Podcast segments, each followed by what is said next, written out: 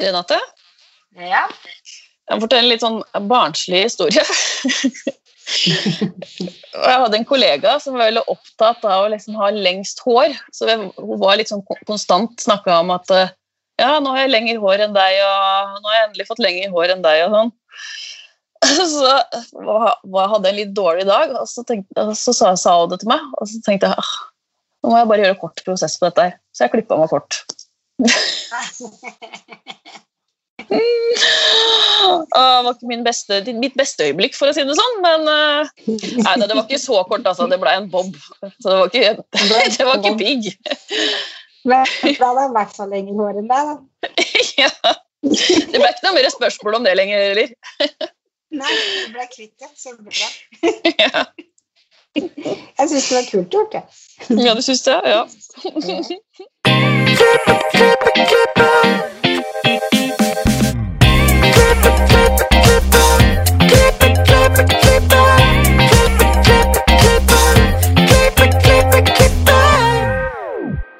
Velkommen til Hårpoden. Jeg heter Renate. Jeg heter Ann-Marit. Ja, uka di, Ann-Marit. Hvordan har det vært? Det er jo ikke så mye no nytt, bortsett fra korona. da. Eh, Jeg syns det skjer veldig lite, skal jeg være helt ærlig. Jeg går ut og venter på resultatet på årets frisør, da. Ja. Ja. Så håper det kommer snart. Ja, for det sto i utgangspunktet at vi skulle få beskjed i hvert fall hvordan prisutdelinga ble gjort i løpet av januar. Da er vi 26., så da bør vi vite det snart, da. Mhm. Men hva med, hva med deg? Hvordan har din uke vært? Min uke, den eh, Ja, jeg syns den har vært bra. Fulgt opp på jobb og kost meg. Jeg, må, jeg blir litt distrahert. Det var så gøy å se på Skype når du ser resten ikke får se det i studio. Thomas er verdens største katt på brystet. Så Det er i hvert fall dagens høydepunkt. Min uke den har vært eh, bra. Da kan du kanskje introdusere disse gjestene vi har på Skype her i dag? Ja, for Vi gleder oss skikkelig til å ha med oss de gjestene vi har med i dag. Og de er jo et dreamteam bestående av makeupartist og en hårstylist. Og sammen så styler vi landets største artister, influensere og kjendiser. Vi reiser land og strand rundt på spennende og utfordrende oppdrag.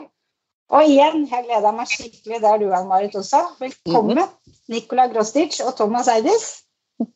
Takk. Tusen takk. Så hyggelig. Må nesten nevne at Ossi også er da katten.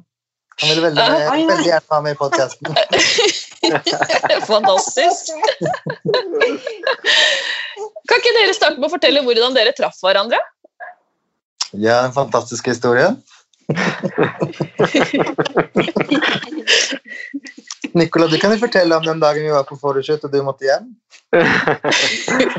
Nei, det startet med at vi skulle gjøre en um, Vi hadde Altså byrået vårt som vi er i, de hadde en nettside som het Pudderprint. Som de gjorde liksom et nettmagasin. Og da skulle Thomas uh, og jeg og en fotograf som heter Thomas også, gjøre noen bilder. Um, og så var Thomas uh, Jeg tror de var veldig inspirert av fjær på denne shooten, fordi alt handlet om fjær. Uh, sånn at um, når vi kom på shoot, og jeg hadde drasset med meg masse kofferter langt borti Gokk, hvor dette studioet er, så bestemte de seg da for at det ikke skulle være noe hår. Så da tre eller fire timer i shoot, så pakka jeg sammen og dro hjem. Og det var første gang jeg møtte Thomas. En fantastisk historie. Ja, Så sånn var det. og sånn har det vært alltid siden da. Ja. Poenget var vel at håret ikke ble så bra, så vi bestemte oss for å gå litt tettere. Mhm. For at man skulle se noe på dette her, så måtte man gå tettere, sånn at disse fjærene fikk kommet fram. Jeg skjønner. Dette Ja, er var- vel uh, Hvor lenge siden er det her, Nico? Nei, 2012 kanskje? 13? 12, tipper jeg. Ja, tror jeg også. For du var vel sikkert hjemme mellom slagene, tror jeg, fra New York. Mm. Rett før eller rett etter, ja. Ja, noe sted der. Ja. Det var vi kreative. Det var, det var vel ikke Jeg er fortsatt, iallfall. men det var vel ikke på den shooten dere bonda? Uh, jo, eller det var vel det som startet det. Ja. jeg, det var da jeg bodde litt frem og tilbake i New York, så vi holdt veldig mye kontakt da. Uh, og så det var veldig mye. Det var veldig mye party og jobbing, og vi gjorde masse tester. og Ja. merket veldig fort at vi begge brant for eh, faget. Det var litt sånn, det var i begynnelsen litt sånn elsk-hat-forhold til hverandre, for begge to er veldig kravstore mot hverandre. Eller sånn, ikke, ikke på en negativ måte, men begge to stiller veldig store spørsmål. Og aldri sånn Nei, men jeg tenker sånn, så det er min måte. Og så, men jeg er ikke enig i hvordan du tenker. Og da er det sånn veldig ofte noen ganger skulle man nesten bli litt sånn draina energi noen ganger. Så var det sånn Nei, nå orker ikke jeg se deg på en liten stund. Sånn er det fortsatt. Hvor ofte, hvor ofte jobber dere sammen, da? Øh, Det går veldig opp og ned. Sånn som denne uken her, så jobber vi vel eh, tre dager. Mm. Og så plutselig kan det gå flere uker der vi ikke jobber sammen i det hele tatt. Og så har vi uker hvor vi jobber plutselig nesten hver eneste dag sammen igjen. Det er veldig sånn opp og, opp og ned, egentlig. Det kommer litt an på hvordan jobber vi har. da. Men vi prøver jo på en måte, hvis vi kan, da, og det passer seg sånn, at det times opp så mye vi klarer, for vi har det jo veldig hyggelig på å jobbe sammen. Og vi jobber bra sammen. Er dere mye sammen på privaten også? Som best buds, eller? eller, eller er det Ja, vi er vel det. Eh, vi jobber jo veldig mye begge to. Men Ja. jeg vil nok si at han er en av de menneskene som jeg møter mest av alle mennesker jeg møter. Ja. Og snakker i telefon eller SMS eller Snapchat Det er- eller ja. Det er, jo- vi er veldig flinke til å holde hverandre oppdatert på den måten. da. Og det er ikke alltid vi, fordi Når man jobber så mye som begge to gjør, så er det ikke alltid man rekker å møtes. Og så glemmer man litt å sette av tid, for at man jobber jo sammen. på en måte, Så man glemmer litt å sette av tid til å bare være venner også. Så det er noe vi har vært litt sånn 2021 uh, Forsettene skal være det å sette av tid til å bare være venner også, og ikke bare være på jobb. Mm. Det er uh, veldig, veldig veldig viktig, tror jeg også. Nyttårsforsettet vårt. Mhm. Det var et fint Det sånn sett. nyttårsforsett. Ja. Eh, Men er det sånn, når dere, skal, når dere blir booka, er det sånn forventa at dere kommer begge to? Er det sånn vi booker dere i en pakke? Eller eh, hvordan er det det er? Jeg tror det spørs hvem kunden er, men jeg føler at det er veldig ofte når vi er på sett sammen, at folk faktisk spør om vi alltid jobber i lag. Men mm. det kommer helt an på kunden og hvem som har forventninger til hva. Mm. Men vi er jo veldig glad i å jobbe i lag, så hvis eh, så Det gjør vi. Det er vel lettere kanskje å forstå eller at ting går automatikk, kanskje, eller sånn dere utfyller hverandre på jobb, enn hvis dere skulle jobba med noen helt andre, på en måte, så kanskje det hadde vært annerledes, eller? Ja, altså, jeg er jo alltid for det altså, Jeg husker at jeg fikk beskjed om at det å jobbe i team ikke er så veldig bra fordi at det kreative blir dårlig.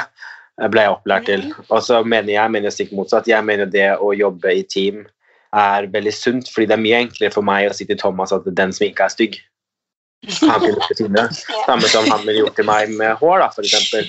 For da vet jeg at det er en trygghet liksom, at hvis jeg er usikker, så kan han si sånn Nei, vet du hva, jeg synes det var finere hvis du hadde gjort det sånn, eller husker du den gangen du gjorde det sånn? Hva om du gjør sånn med en ny versjon av det, da, som passer henne? Og da blir det en helt annen trygghet med at man fordi noen ganger når man står oppi det, så glemmer man det. Man er, er inne i sin egen verden, liksom. Så er det bare trygghet å vite at du har en person som faktisk vil si sannheten, enn at hvis du hadde jobbet med et helt nytt menneske som kanskje ikke tør å si sannheten, da. Uh, men har lyst, men er redd for at noen skal bli såret, f.eks., så er det mye enklere å få da, et direkte svar fra en person man har jobbet mye med. Da. Så jeg er veldig glad i det å jobbe i team over lengre stund. Ja, Det hørtes veldig betryggende og deilig ut, ja. Jeg skal være enig i det du sier der. Ja, Ja, er, så er det, liksom, for meg- det er sånn samtidig som at man ikke Jeg blir ikke noe latere at vi har jobba i team, liksom. Jeg er stikk motsatt. Jeg har mer lyst til å prestere fordi at jeg veit at eh, jeg kan ikke gjemme meg bak noen ting fordi en person ser det med en gang. mm. Mm. Og så kjenner dere rutiner til hverandre. Det er vel lettere at ting går sånn som skal, på skinner, er det ikke det heter? Jo, det vil jeg absolutt si. Og så er det noe med å hente inspirasjon fra hverandre istedenfor å se hverandre som konkurrenter. Ja. Mm. Men dere reiser jo veldig mye, kanskje ikke akkurat nå i korona, da, men Eller gjør dere det? Er det fortsatt mye land og strand rundt? Uh, jeg vil ikke si altså, Hva legger du i land og strand? Det er Norge. Det er Norge, ja. ok. Det er Norge det går i. Uh, jeg har en del reisejobber nå. Jeg skal Jeg tror jeg reiser tre ganger de tre kommende ukene. Eh, men da er det mest sånne fjellturer i Norge. Hvis ikke restriksjonene blir strengere, da. Men det er noe sånn Hemsedal, Hemsedal Geilo og, og sånne steder. Mm. Det høres kaldt ut. Ja, det er veldig kaldt. Men ellers så blir det veldig mye reising. Hvordan er det for deg å jobbe i salong og drive frilans? Du, det går veldig fint, altså. Det er um, ikke noe problem. Um, du må jo bare lære deg å balansere det. Nå er det jo, er jo Gjør jeg jo ekstremt Nå har jeg gjort ekstremt mye frilans denne måneden her, så da har jeg ikke vært så mye på salongen i det hele tatt. Og så er det noen måneder så har du mer, så, som desember, så var jeg veldig mye i salong plutselig. Um, så det er veldig opp og ned. Er, uh, men jeg liker å jobbe masse, da. Sånn at for min del så jeg fungerer bedre og men jeg er også flink til å balansere det og liksom ikke jobbe for mye, for da funker jeg ikke helt. Liksom. Men jeg liker å jobbe mye og syns det er gøy. Og så er det veldig deilig å gjøre styling ved siden av også, fordi at uh, da får man avlasta kroppen litt også. Fra å stå og gjøre det samme, og litt annet miljø. Men det går veldig fint, altså. Veldig Fordi du gjør jo hår. Gjør du makeup også? Og Thomas, du gjør jo makeup. Men hender det at du også gjør hår? Liksom, at Dere bistår hverandre litt sånn Du kan litt begge to, eller? Ja, jeg gjør jo både hår og makeup på sett. Ja. Eh, hvis jeg er alene, f.eks. Mm. Mm. Og Nicolay gjør jo grooming, så han gjør jo menn. Ja. Ja, så Det betyr liksom litt mer touch-up på hud og sånne ting. at Jeg, jeg, er, ikke, jeg er ikke utdannet makeupartist på den måten, men jeg er komfortabel med å gjøre hud liksom for å få det til å se jevnt og fint ut. og uh, Det som trengs for den lille lette finishen, da, uten at det er såpass teknisk som det Thomas gjør. Mm. Underlaget, liksom. Ja. Ja. Det er gøy. Jeg kan ikke det engang, jeg. Så Nei. imponert. Han har lært av den beste. Ja.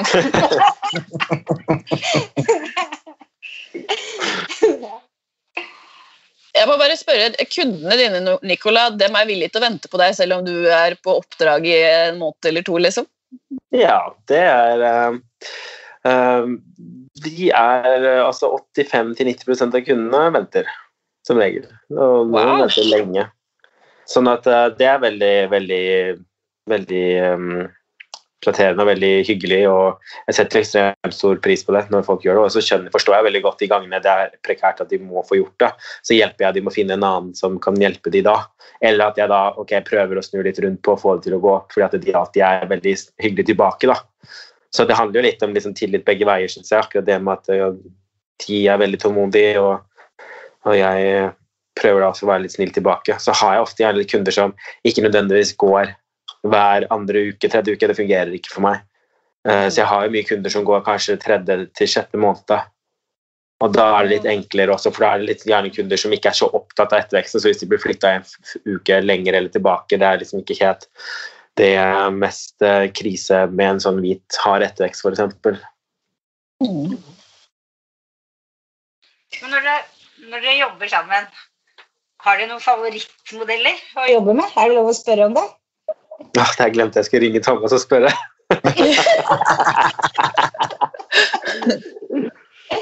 Jeg tror, for, for å svare litt sånn uh, kjedelig, så tror jeg våre favorittmodeller er de som på en måte gir oss frie tøyler og stoler på vår ekspertise.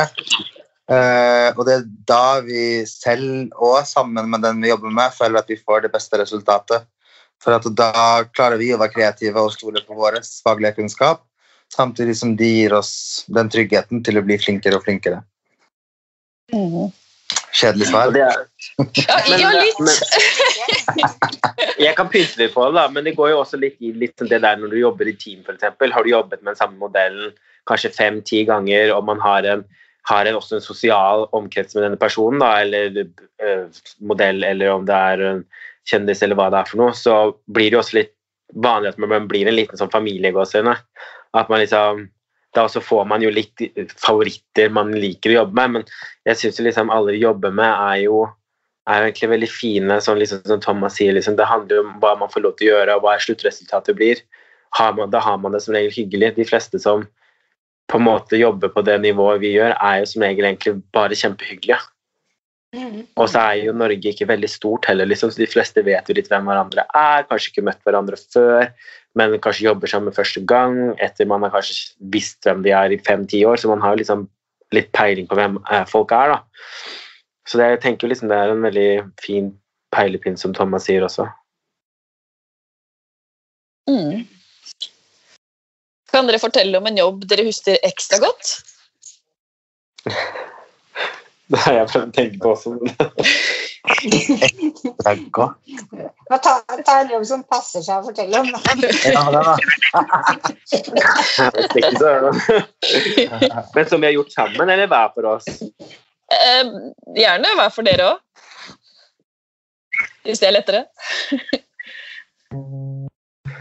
Eh, Som har vært morsom, Mm. eller som jeg liksom setter pris på Hva legger du i morsom?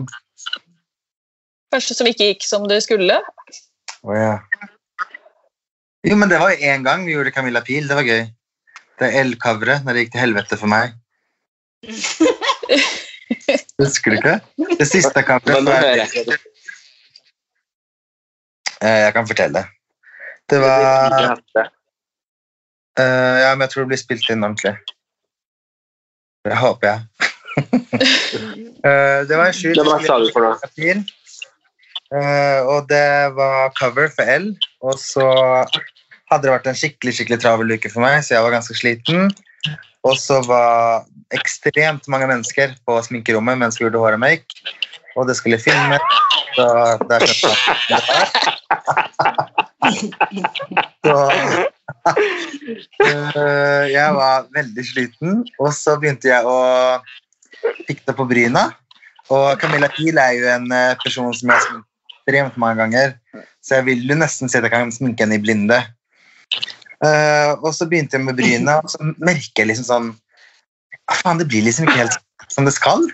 Men jeg tenker sånn, ja, ja, det går sikkert fint.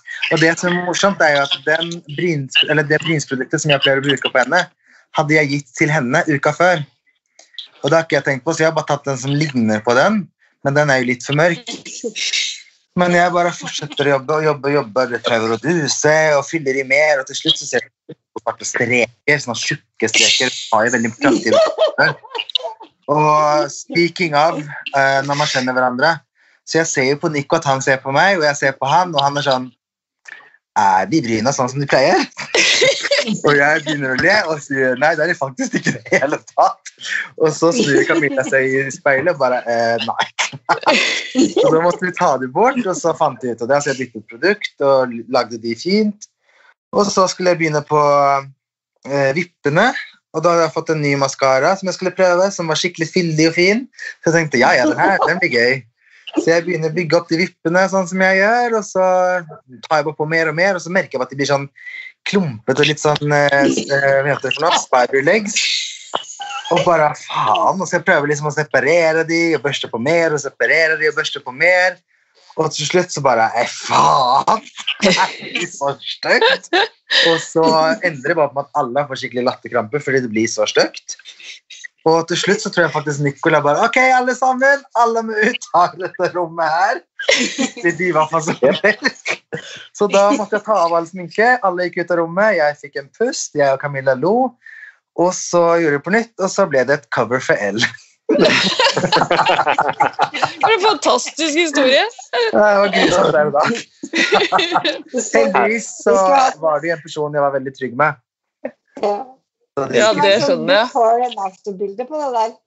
Å gud, jeg tror ikke vi tok noe, heldigvis. Nei, det. Altså, jeg har tjukke bryn, og hun hadde tjukkere bryn enn mine, liksom. Uff, ja, det var gøy. Herregud. Det var min historie. Hva med det, Nico? Jeg er så dårlig på sånne ting. Nå ble jeg sittende og høre på Thomas. Jeg er sånn, I'm never gonna have anybody to laugh at my jokes, so Nei, fine historie. Uff, jeg veit ikke. Jeg um... Nei øh, Jeg er, jeg, jeg er veldig glad i å reise når jeg får reise med jobb. Egentlig, det er de historien jeg setter veldig stor pris på, for å oppleve ting og egentlig reise sammen med et fint team. Så det er utrolig mange hendelser. Men jeg, veldig, jeg har hatt veldig mye koselige turer i Paris med store team. Det er veldig hyggelig. Jeg elsker jo å reise med Kalle Eklund, som jeg assisterer masse også. Det har vi gjort. Vi var i Firenze. Altså vi har, når vi var i Milano gjorde en hårtest, og så bestemmer han seg på morgenen før vi skal ta toget som er på andre sida av byen. Og Milano er jo sånn trafikk som du sitter, sitter, sitter, sitter. sitter, sitter. Nei, da bestemmer han seg at han skal gå rundt hele byen, og det er da jeg finner ut at vi to er helt vidt forskjellige mennesker, for han har litt ADHD, og han tenker ikke over tid. Og jeg er sånn i ny by, kjenner ikke byen, liker å komme meg iallfall litt tidsnok på en uh, togstasjon, så han skal bare gå rundt i hele byen. Til slutt vil jeg bli sånn Nå må vi ta denne taxien og gå til toget. Og du får ikke tak i taxi heller i Milano, så du må jo ringe og ringe og ringe og ringe. og ringe. Så tror jeg vi var her kanskje fem-ti minutter før, og da er det liksom det eneste toget som går til Firenze. Som vi da skal ut av Milano. Og da er det sånn når vi skal hjem fra Milano, så veit ikke Kalle om han har flybillett engang. så sånne, sånne turer kan jeg bli sånn stressa av. Men det er egentlig ikke jeg som uh, tuller så mye til. Det er samme som når jeg og Thomas skulle til London også, så hadde Thomas så god tid. Men det holdt helt til flyet, da, for vi fløy fra Torp, så da var alle forsinket. Da. Men da skulle Thomas absolutt kjøpe pizza på Peppes rett før alle skulle gå på flyet. Eller de skulle vente på oss. Rakk vi flyet? We did. Hvordan gikk det på veien hjem, da? Hvor mener du på veien hjem? Fra London? Jeg var ikke forsinket. Husker du ikke hva som skjedde? Ja, Du mista passet ditt? Ja, Du la det inn i London? Kom ikke inn i Norge? De tok meg inn i Frankrike, men de nektet å slippe meg inn i landet. Selv om jeg hadde legitimasjon, skrevne papirer i Norge, jobb i Norge. De nektet. Så til hva slutt skjedde fikk da? jeg en kopi. Nei, jeg måtte ringe hotellet, de hadde glemt passet. Og så måtte de ringe ambassaden i Sverige for å finne ut av ting, siden jeg er svensk. Eh, jeg husker ikke hvor lang tid det tok. Det var vel en time eller noe? To? Ja, to timer tror jeg det tok cirka før du kom i gang. Før de gadd å slippe meg. Kunne vi ikke bare tatt bilde av passet ditt på hotellet og sendt over til Det var ikke nok. Vi måtte dobbeltsjekke det i, eh, på ambassaden i Sverige. Herregud. Du måtte ikke- så, du måtte så strengt er det ikke nå.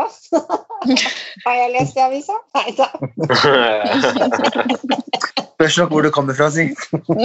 Helt riktig. sant. ja. Hvor er det dere finner alle ideene til hår- og makeup-pådragene deres? Er det liksom oppdragsgiveren som sier at sånn vil vi ha det, eller er det, kommer dere med innspill og finner ut av ting selv også?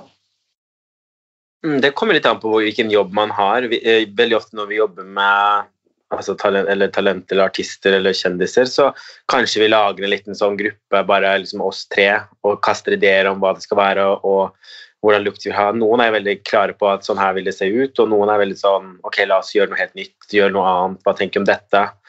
Uh, og Det kan samme, samme skje med kunder også, men ofte så har kanskje kunder, hvis det er liksom store navn da, uh, på kunder, så har de gjerne mer profil om hvordan deres profil er. Og så kan man leke seg innenfor den verden, da, eksempel, som er deres profil. Så du får jo alltid en slags idémyldring, og så kan man jo jobbe ut ifra det. da. Mm. Gøy. Veldig. Veldig inspirerende. Og så- snakker jeg mye med Thomas. da, som, Hva tenker du på makeup?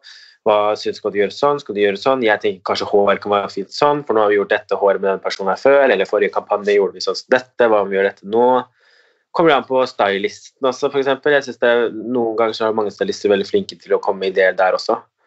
Og jeg synes det er veldig gøy den siste tiden så har jeg fått lov til å klippe mye modeller. Det synes jeg er veldig gøy. Mm. Dag. Senest i dag. dere gjør det, gjør det sånn, så blir det nesten som en sånn vorspiel. Vi gjør sånn, Ja. Hva syns du om det? Hva syns du? Og så når du først er på oppdrag, så er det den store dagen. Ja. Det er helt riktig. da er, fe- da er festen i gang, liksom. Så Mm. gøy. Du må jo bli veldig gira av det, da. Veldig. Ja, det er nok derfor vi jobber så mye. Det er en never-ending eh, ball som bare spil, eh, spinner rundt. Liksom. Så, men det er jo kjempegøy. Det er på en måte det man Det er en slags energi man får av det òg, da. Pushe seg selv, finne nye ting, finne nye inspirasjonskilder. Ja, utvikle seg selv, ikke bare sitte og gjøre det samme gamle. Mm. Eh, Vi har for så vidt snakka litt om det, da, men hvordan har det, har det vært i koronatida for dere som jobber frilans? Er det mye avbestillinger og sånt, eller er det Ja, det er en del Avlysninger. logistikk som skal settes i gang. Eh, Det er mye frem og tilbake. Folk er litt redde. Altså den, gang, den runden her så har det vel vært mye sånn flytting fordi folk har vært litt redde. Sist lockdown så var det i helt lockdown. Da fikk vi faktisk ikke lov til å jobbe i det hele tatt. Men det kan dere nå? Nå får vi lov til å jobbe. Ja, så bra. Nå går det egentlig greit. Mm. Det er jo Altså, jeg tenker litt sånn med den som har vært nå, så er det jo som kom nå på lørdag, da, så føler jeg at den største, største forskjellen for oss er på en måte at eh, sentrene og butikkene, spesielt i Oslo, da, er stengt, egentlig. Mm. Eh, noe annerledes for oss i Oslo er det jo egentlig ikke. Og så er vi jo litt Sånn sett, så opptatt til det allerede. På en måte. Vi har jo liksom måttet gå med altså Jeg føler at vi liksom nå, i forhold til mars i fjor, så er vi oppdratt annerledes. For nå går alle med antibac, man har munnbind, altså alle de vass, alt det som vi måtte endre på, har vi liksom blitt vant til å gjøre. Så mm. vet ikke, jeg føler meg redd, jeg, egentlig. Det har blitt helt normalt, Mm. egentlig. Tror dere at eh, jobbene dere gjør, vil være annerledes etter korona når vi er friskmeldte? Eller tror dere vi går rett tilbake til det samme som det alltid har vært? Sånn, når det gjelder frilansjobbing. Kommer dere til å reise mindre enn det dere gjorde før? Eller Det er et veldig spennende spørsmål og interessant. Eh, Jeg tror at eh, mye av de reisejobbene vi gjør, er jo pga. en type location. Uh, For å få frem et DNA eller en følelse til de bildene de skal ta. F.eks. om det er sommer eh, eller vår eller vinter. Så er det jo ofte motsatt i forhold til det det er her, så da må man reise til varmere strøk. Mm. Eller kaldere, selvfølgelig, på sommerstid. Så jeg tror en del kommer til å bli uh, at det fortsatt blir reising. Mm. Så får man jo se. Jeg tror det er verre for sånne mennesker som jobber med møter og sånne ting, i de administrative. De tror jeg kommer til å kutte ned ekstremt mye når det er ferdig. Ja, det tror jeg også. Men de kommer til å se at det, liksom, det å gå på, sitte på Teams eller sånn som vi gjør nå eksempel, over Skype, fungerer vel så godt som at vi skal sitte på en businessflyreise et eller annet sted og bo to dager på hotell og så business tilbake igjen. Mm. Det er jo selvfølgelig et stort hull i et budsjett. Jeg bare håper det åpner opp så fort som mulig, sånn at jeg kan fortsette å reise til eh, Stockholm og Paris og jobbe videre. Mm. Det er, um, det er jo noe jeg savner veldig. Jeg, altså, jeg har jo aldri flydd så lite på et år. På, fra å fly nesten to ganger i uka uh, altså, til å fly Hva er det jeg flydde siste Fra mars til uh, desember, så jeg fly- jeg flydde to ganger. Oi! Men da savner du det, da. Ja, selvfølgelig. Jeg elsker å fly, og jeg elsker å reise. Jeg liker jo å være og jeg savner ekstremt uh, de jeg jobbet med i Stockholm, og være der og gjøre den jobben. Uh, og reise til Paris for Fashion uke og sånne ting, men det viktigste er jo at man holder seg trygge og får verden til å forstå at man må bare sette tingene på pause til det er ok. Det er det viktigste. Mm. Og da er vi jo- ok. Ja, og så er vi så heldige at man bor i Norge, verdens beste land. Altså, Vi går så å si fri. Folk sitter innelåst i 12 kvadratmeters leilighet i glovarme eh, eh, verdensdeler. liksom, og, Så vi kan ikke klage på en måte her i Norge i det hele tatt. Vi har det kjempebra. Eller iallfall jeg har det. Ja, Vi må ikke glemme at polet akkurat åpnet, så nå er allting bra. Herregud, ja.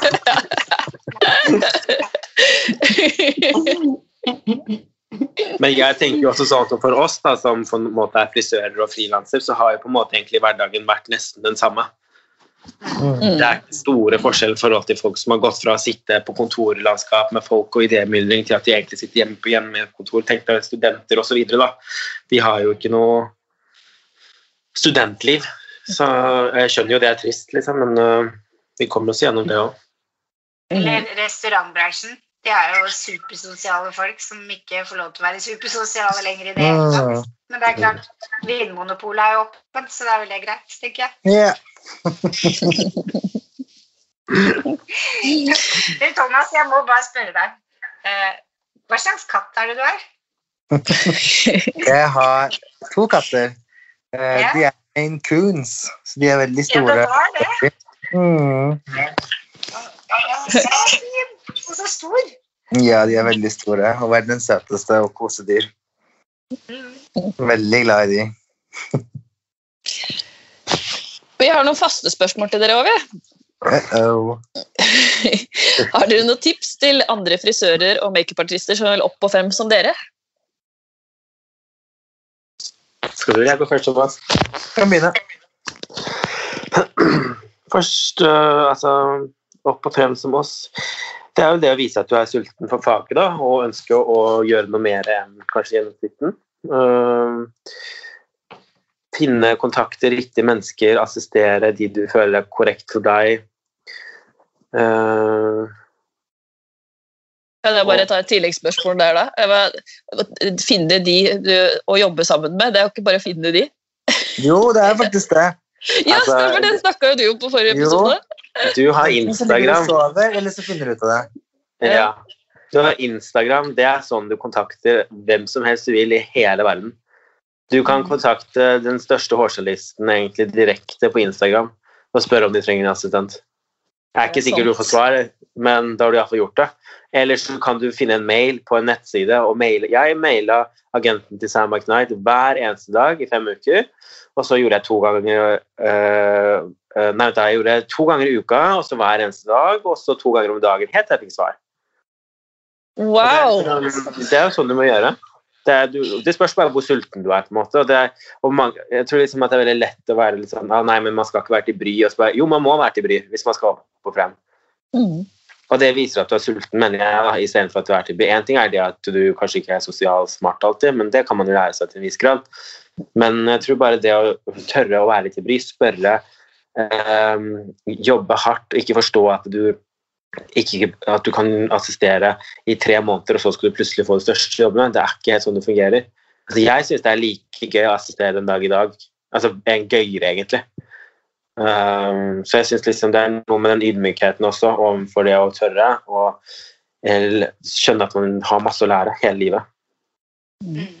Og veldig bra tips. Thomas, har du noe mer å Nei, jeg tror jeg er ganske enig der, og det er vel litt sånn som vi snakka om sist. Eh, For meg handler det om at enten så jobber du så hardt du kan, eller så lar du noen andre gjøre det. Fordi det er alltid noen som kommer til jobben mens du sover. Mm. Dessverre. Men sånn er det bare. Ja, det er sant. Hva inspirerer dere?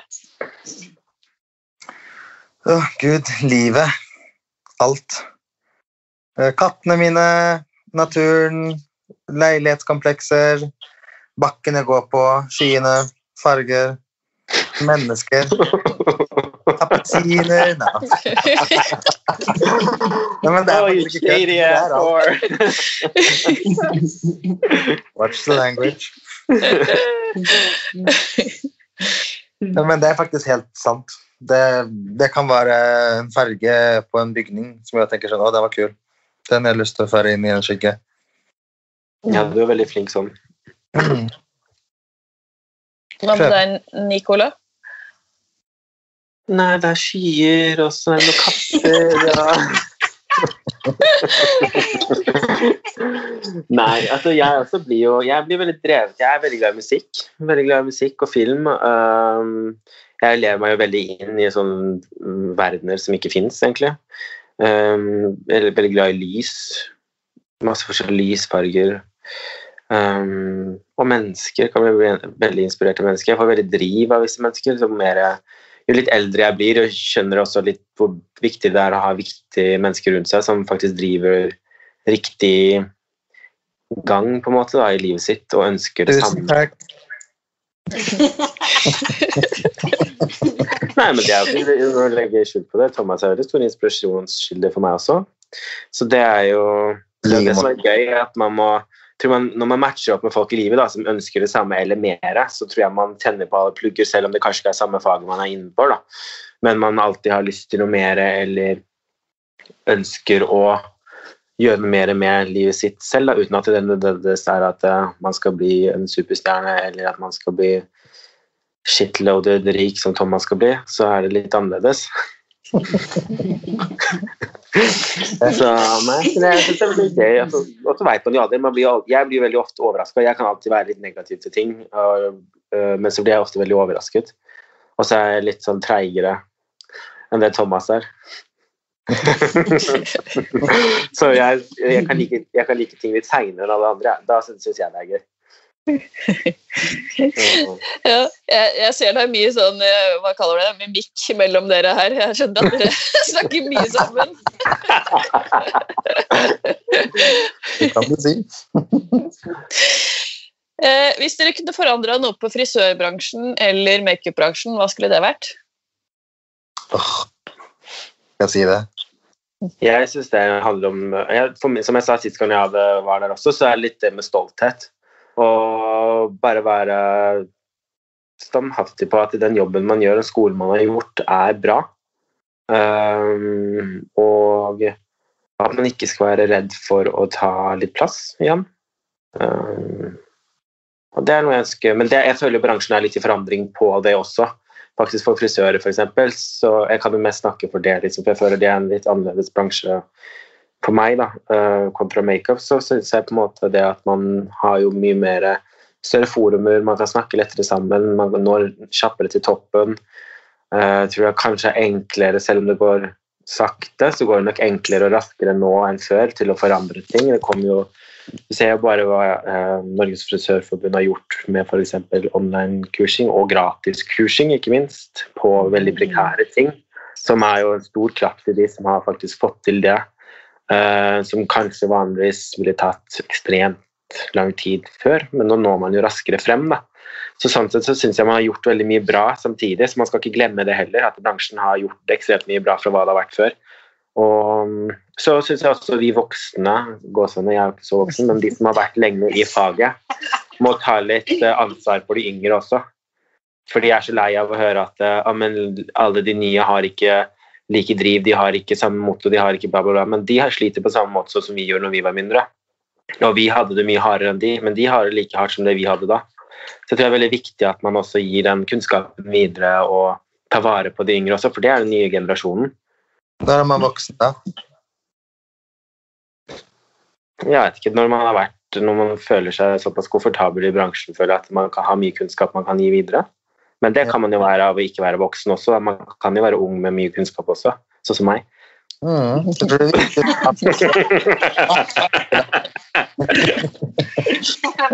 For min del så er det faktisk uh, eh, I forhold til spørsmålet du spurte, så tror jeg liksom at det kanskje hadde vært litt bedre retningslinjer for hvordan jobben blir utført, og beskyttelse rundt det.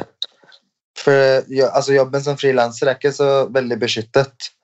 Det er veldig sånn vagt på hvilke rettigheter man har, hvilke arbeidstider man skal ha, hvilken lønn man skal ha, sykemeldinger, forsikringer og alt sånt. Så det kunne jeg ønsket at det ble satt litt hardere press på, egentlig. Mhm. Jeg, jeg må bare spørre deg, Nicolai, for jeg synes det var veldig interessant å ta vare på de yngre. Eh, Så, fordi det, det blir ofte snakka om det, at eh, de ikke vil like mye og, og ikke jobber like hardt, liksom. Men eh, du tenker at da burde vi lære dem opp mer, bedre, eller? Ja, eller det er ikke nødvendigvis at vi må lære de opp bedre, men også tenke at det er en annen tid. Det er ikke Det er ikke Altså Å piske folk rundt på jobb, det tror jeg ikke du vinner noen ting med lenger. Det er så utdatert. Det er så gammeldags tankegang. Eh, Jeg tror ikke du vinner noe som helst på det. Jeg, mener ikke at man heller skal være den som bare lar folk holde på å styre i årene. Du må selvfølgelig ha et system, men jeg tror folk responderer bedre på et system og et åpent åpen dialog om ting, istedenfor å være sånn du skal vaske der, og nå skal du vaske der en hel uke. Det, sånn, det er ikke, noen motivasjon. Når noen snakker til meg på den måten der, så føler jeg meg så nedlata og snakka til, og jeg føler meg ikke en del av et større bilde. da. Jeg tror det er mye viktigere å få de inn raskere og med i et større team, spesielt i salongmåte hvor man er veldig Si hvis man jobber i salong, så er det kanskje ikke det har vært noen nye der på seks år, da, så kommer en ny lærling f.eks.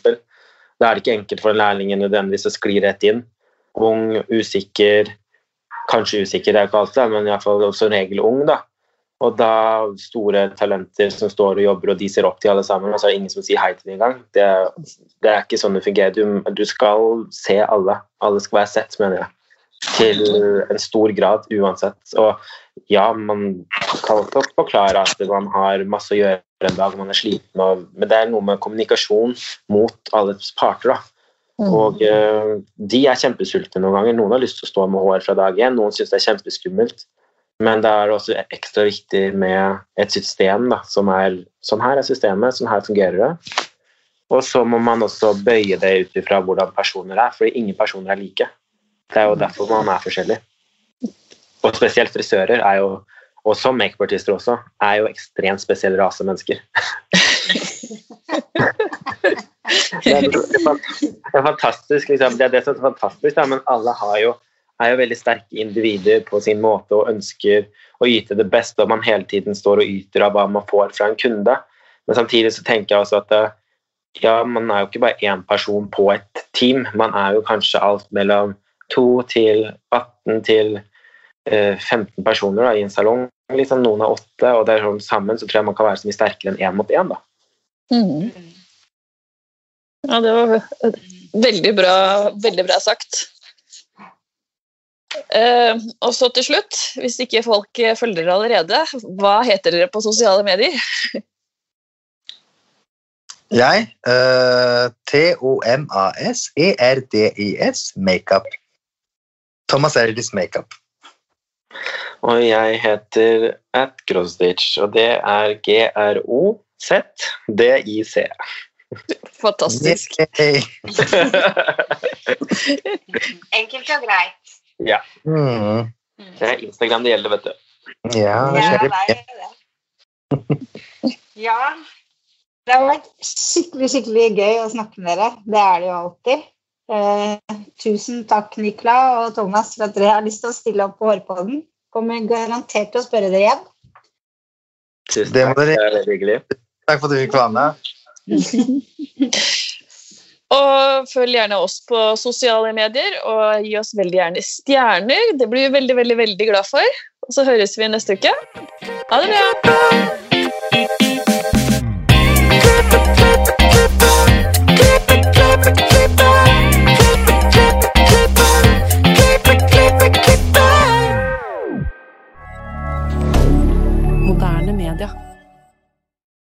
Har du et enkeltpersonforetak eller en liten bedrift? Da er du sikkert lei av å høre meg snakke om hvor enkelt det er med kvitteringer og bilag i fiken, så vi eh, gir oss her, vi. Fordi vi liker enkelt. Fiken superenkelt regnskap.